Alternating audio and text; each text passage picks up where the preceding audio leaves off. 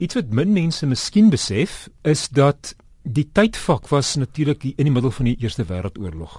En die die die momente wat dit geneem het in die wetenskap was so twee teen die einde van die Eerste Wêreldoorlog. Dit was natuurlik 'n baie onstuimige tyd in Europa en baie dinge het verander en baie dinge het heen gegaan. En dis fascinerend as mens in die geskiedenis kyk hoe in parallel met hierdie wetenskaplike deurbraak daar ek wil amper sê skielik op die vlak van musiek, van letterkunde, van film, van drama, daar en van filosofie daar radikale nuwe ehm um, we, dinge wending geneem het. En baie geskiedkundiges wat ek nou nie is nie, sê dit was deels geïnspireer deur hierdie teorie dat dat om anders te kyk na na die werklikheid op op 'n totaal onverwagte manier amper die hele denkwêreld van die mens gestimuleer het om skielik aan Presies is selfs die hele post postmodernisme die vonk daarvoor was hierdie teorie. Wat sê die teorie? Die hele teorie kan so opgesom word. Die vorm van ruimte-tyd, ons moet praat van ruimte-tyd want want wat Einstein se groot deurbraak was om te sê man, dis 'n vierdimensionele werklikheid en tyd en ruimte is net verskillende fasette van die een werklikheid. So die vorm van ruimte-tyd bepaal hoe materiële voorwerpe en lig kan beweeg. Aan die ander kant, die hoeveelheid materie en energie teenwoordig op enige plek bepaal hoe die ruimte-tyd homself krom. So dis amper so 'n geslote sirkel. Nou John Wheeler het dit so gestel in die Engels werk goed. Space-time tells matter how to move. And matter tells space-time how to curve. En, en dit is net op wat hy gesê het maar hy moes dit natuurlik wiskundig formuleer op 'n onaanvegbare manier primêr sodat jy kan berekenings maak sodat jy kan voorspellings maak sodat jy kan uh, sê wat gaan gebeur hier en daar en die ander kant van daardie munt as jy iets waarneem in die heelal dan kan jy die wiskunde gebruik om af te lei wat is die oorsaak van hierdie waarneming en wat is die dinamiek En waar kom relativiteit dan in? Baie mense sal weet dat daar twee aspekte aan sy teorie was: die spesiale relativiteit en die algemene relativiteit. En en die die woorde sê presies wat dit behels. Spesiale relativiteit was 'n spesiale geval, was 'n beperkte geval van die algemene en dit is waar jy kyk na voorwerpe wat nie versnel nie. En dit beteken effektief voorwerpe wat nie in 'n kragveld is nie. Dit het in 1905 uh, gepubliseer en in 'n neutedop in goeie Afrikaans wat dit sê is Hoe 'n mens afstande en tydsverloop meet, is afhanklik van hoe jy beweeg. En veral dan hoe twee verskillende wetenskaplikes of waarnemers of berekenaars of wat ook al posisie en die verloop van tyd meet, gaan verskil as hulle beweeg relatief tot mekaar. So daar's die relatief. Relatiewe beweging van die waarnemers veroorsaak verskillende gevolgtrekkings van lengtes, hoogtes en tydsverloop.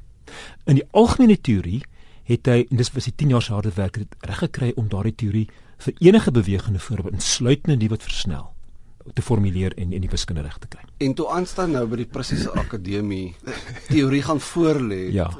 Dit het iets soos 4 dae gevat om die ding vir hulle te verduidelik. Ja, maar maar dit laat ek dit dis nou een geval waar mens dit regtig in konteks met plaas. Hy was lid van die akademie, hy het uit 'n baie ehm um, vername pos daar gekry na sy eerste klomp werk in uh in die in die 19 tussen 1905 en 1907 en dit was gebruik om weeklikse seminare te hê om nuwe ontwikkelings aan jou kollegas aan jou ewe knieë voor te stel sodat hulle dit kan aanval met die doel om by die waarheid te kom. Dis nog iets wat vandag dankie tog in die natuurwetenskappe baie sterk figureer. En wat het die 4 dae eintlik behels? Dit was 4 dae almal 'n week uitmekaar uit. Dit was die 4de, die 11de, die 18de en die 25ste November van 1915. En wat gebeur het as hy uit elkeen van daai dae 'n seminar gelewer? En die fascinerende ding is dat hy uh, van die eerste na die vierde keer sy teorie aangepas het. So hy die eerste keer gesê, "Moenie mense, ek het hierdie idee en hier is die formulering daarvan. Wat dink julle daarvan?" En daar was kritiek en hy self dan gaan kyk en hy het vir kollegas geskryf en daardeur die pos nog vinnig beweeg in in Europa. En hy het hom teruggeskryf en so het hy dan in die tweede die tweede sessie het hy Eh, die teorie verfyn in die derde proses weer. En so dit was eintlik 'n evolusionêre proses oor 3 weke van die eerste na die vierde een toe. So dis nie asof hy soveel gehad het om te sê dat hy vier volle dae moes praat nie. Maar dit dit was ehm, 'n regtige evolusie van die teorie tot by die 25ste November.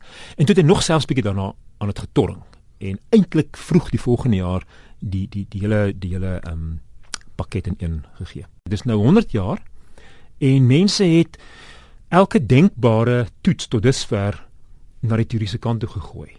En tot dusver het hy elke toets geslaag.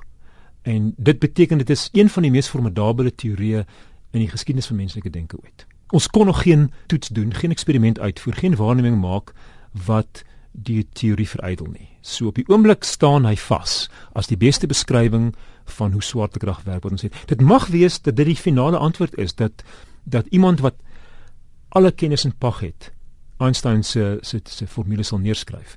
Maar waarskynlik is daar leenplus wat ons nog nie ontdek het nie. Maar is definitief so dat daar op die oomblik twyfel is daaroor nie.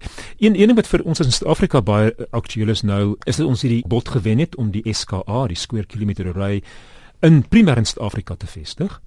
En daar's vyf sleutel vrae wat hierdie multi multi biljoen rand eksperiment wil aanspreek. En een van daardie vyf sleutelvrae is kan ons Einstein se teorie verkeerd bewys? En met hierdie geweldige sensitiewe instrument kan ons baie meer sensitiewe toetse doen. En my my persoonlike instink is Einstein gaan slag. In terme van hoe naby ons aan 'n absolute wet kan kom, is hierdie teorie van Einstein op die oomblik waarskynlik een van die heel sterkstes, saam met kwantum elektrodinamika.